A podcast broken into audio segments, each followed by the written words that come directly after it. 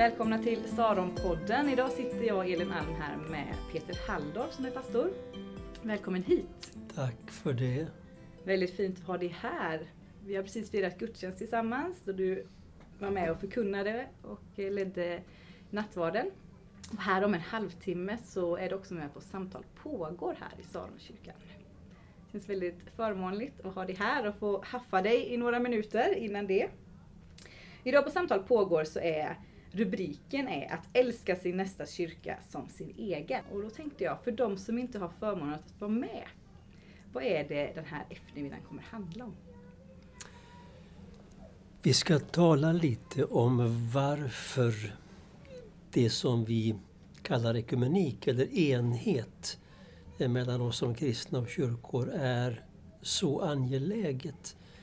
Och därmed också varför splittringen, söndringen ju verkligen är en skandal måste man säga när vi talar om, om kyrkan och enheten. Så det är det som, som ämnet kommer att eh, vara här i eftermiddag. Mm. Och vi har, några av oss har läst en bok som du har gett ut i det här ämnet innan och andra kommer oförberedda. Mm. Eh, och så är det även för de som lyssnar nu skulle mm. jag tro. Eh, skulle du vilja säga någonting om, om ämnet utifrån det som också blev en bok? Vad du tänker, det här är det som jag känner viktigt att lyfta fram. Mm. Det är inte så att eh, frågan om enheten alltid har varit eh, för mig personligen en brännande fråga. Men eh, det kom att bli det mer och mer med åren. Och är någonting som ligger väldigt eh, varmt på mitt hjärta idag. Eh, om vi har växt upp i en kristen kyrklig miljö så kommer vi i regel ur ett eh, sammanhang, en tradition, en kyrka som formar vår kristna världsbild.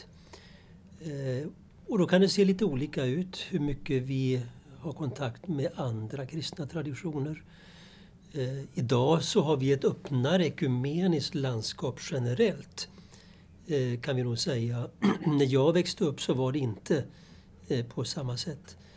Eh, men jag kan minnas för min egen del eh, händelser som var ögonöppnande och så fick mig att börja ställa frågor i den här riktningen av den här karaktären, om det som rör ekumenik, enhet, splittring. Eh, och det handlar inte minst om människor som kom i min väg. Eh, människor som passerar min livsväg och som kom ifrån helt andra kyrkliga traditioner. Ibland kanske sammanhang som jag nästan hade lite grann eh, haft en nedlåtande hållning till. Och så möter jag människor som jag märker, hjälp, här är någon som har passerat mig med hästlängder på trons väg. Vad jag hållit på med egentligen. Eh, och att få sitta ner med de människorna, lyssna, lära. Eh, det kan jag säga, det har nog lärt mig mer än det mesta om vad det är att vara människa och kristen. Eh, vi som tillhör de yngre kyrkorna, som jag själv gör, som har en, en eh, historia på kanske 100-150 år, för de som inte vet, vilken kyrka tillhör du ifrån? Jag kommer ifrån pingströrelsen, pingstkyrkan. Där har jag mina rötter. Eh, och det är ju en, det är en kyrklig rörelse med ett hundraårsperspektiv. Eh, och då är det lätt att man, man, har den här världsbilden att ja, men det är vi som är den kristna kyrkan och som har en kontinuitet tillbaka till urkristendomen. Eh, och man, man, nästan tänker att tiden däremellan är en, är en vit fläck. Eh, och att då möta kyrkor med en, en 2000-årig tradition eh, och upptäcka den, den rikedom, den substans som finns. Det kan vara både omvälvande men framförallt naturligtvis med tiden oerhört befriande. Eh, sen är det ju så naturligtvis när vi talar om det här, det viktigaste incitamentet Eh, är ju att Jesus själv var så tydlig i den här frågan. Och den sista bönen han ber eh, innan han går sitt lidande till möte så att säga innan sin påsk, det är ju bönen om att hans lärjungar ska vara ett inte bara de som var med honom då runt bordet. Men han vidgar ju den bönen till att gälla alla som skulle tro på honom genom alla tider. Och då ger han ju också uttryck i den bönen för varför det är så viktigt. Han säger för att världen ska kunna tro. Det är alltså en trovärdighetsfråga. Eh, din resa och de möten du har gjort, är det det också som blev, liksom, låg till grunden till den ekumeniska kommuniteten på Bjärka Säby, det du mötte och, och det man vill göra där?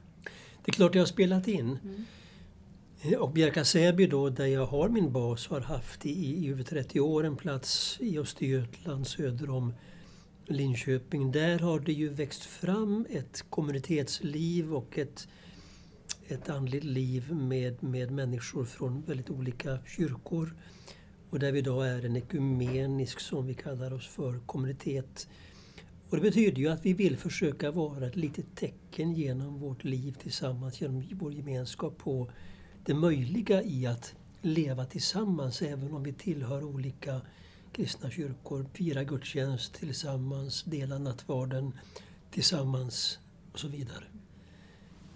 Kan man säga att, att, man, att det finns vissa saker som försvårar ekumenik som du har sett? Men det här, här brukar man stöta på patrull när det gäller eh, att försöka närma sig någon form av e-, ekumeniskt liksom, samarbete på olika platser.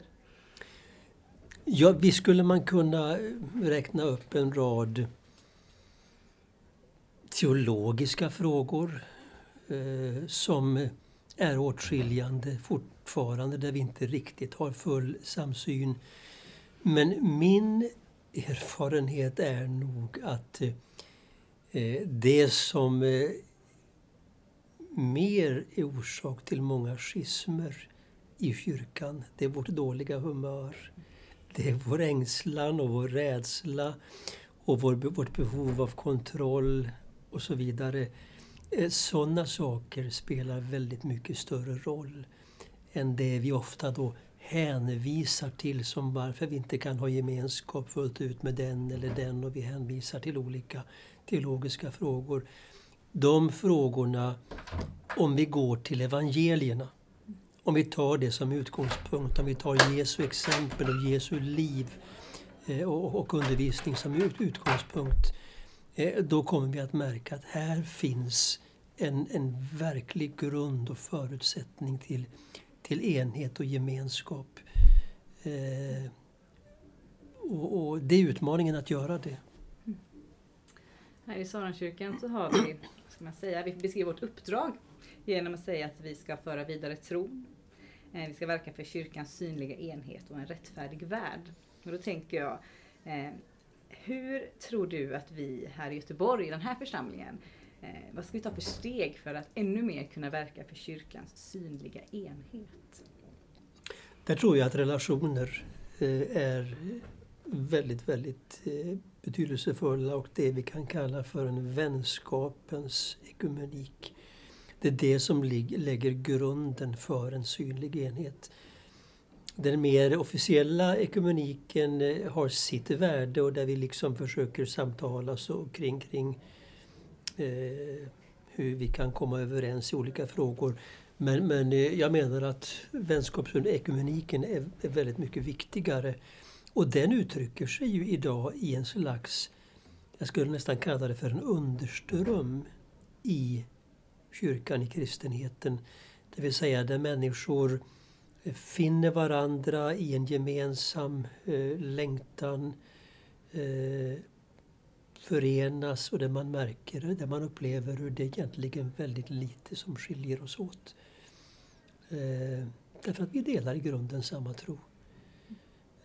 Och, och när den här underströmmen, som ju finns under, lite grann under ytan då, i förhållande till det mer officiella. När den spränger ytan nu och då, då kan väldigt omvälvande ting ske. Och vi ser tecken på det här som vi kallar för kyrkans synliga enhet. Mm. Har du några, några exempel som du har mött nyligen om, om det här hoppet eller tecknen på kyrkans synliga enhet? Ja, det har jag. Jag tycker att jag möter det egentligen gång på gång i den miljö där jag själv eh, lever i Bjärka-Säby. Men jag tänker också på en miljö, en kommunitet som vi har eh, mycket kontakt med i norra Italien. Eh, en ekumenisk kommunitet som kallas för Bose utifrån den plats där den har uppstått. Och den har fått något av en teckenkaraktär när det gäller att vara radikalt brobyggande mellan både öst och väst i kyrkan, mellan eh, katolskt och reformärt protestantiskt och har blivit en mötesplats där inte minst människor möts från olika traditioner och firar nattvard tillsammans. Eh, och det är ju viktigt tror jag att vi är tydliga med vad vi menar med kyrkans synliga enhet. Eh, om vi tänker oss att eh, ska vi organisatoriskt slå samman alla kyrkor, är det det som är målet? Det tror jag absolut inte. Jag tror varken det är realistiskt eller önskvärt. Eh, vi måste acceptera och utgå ifrån den situation som historien har skapat och vi har funnit vårt vårt eh, andliga hem i olika, i olika kyrkor och traditioner. Och det, det är naturligt, det finns en stor mångfald och det, det ska vi bejaka. Men den synliga enheten gestaltas ytterst omkring nattvardsbordet. Mm. Eh, när vi kan som kristna mötas fullt ut och dela nattvardens bord, där eh, synliggörs, där manifesteras eh, enheten ytterst. Tack så mycket Peter för det här samtalet. Och vi går vidare till nästa samtal. Samtal pågår. Tack.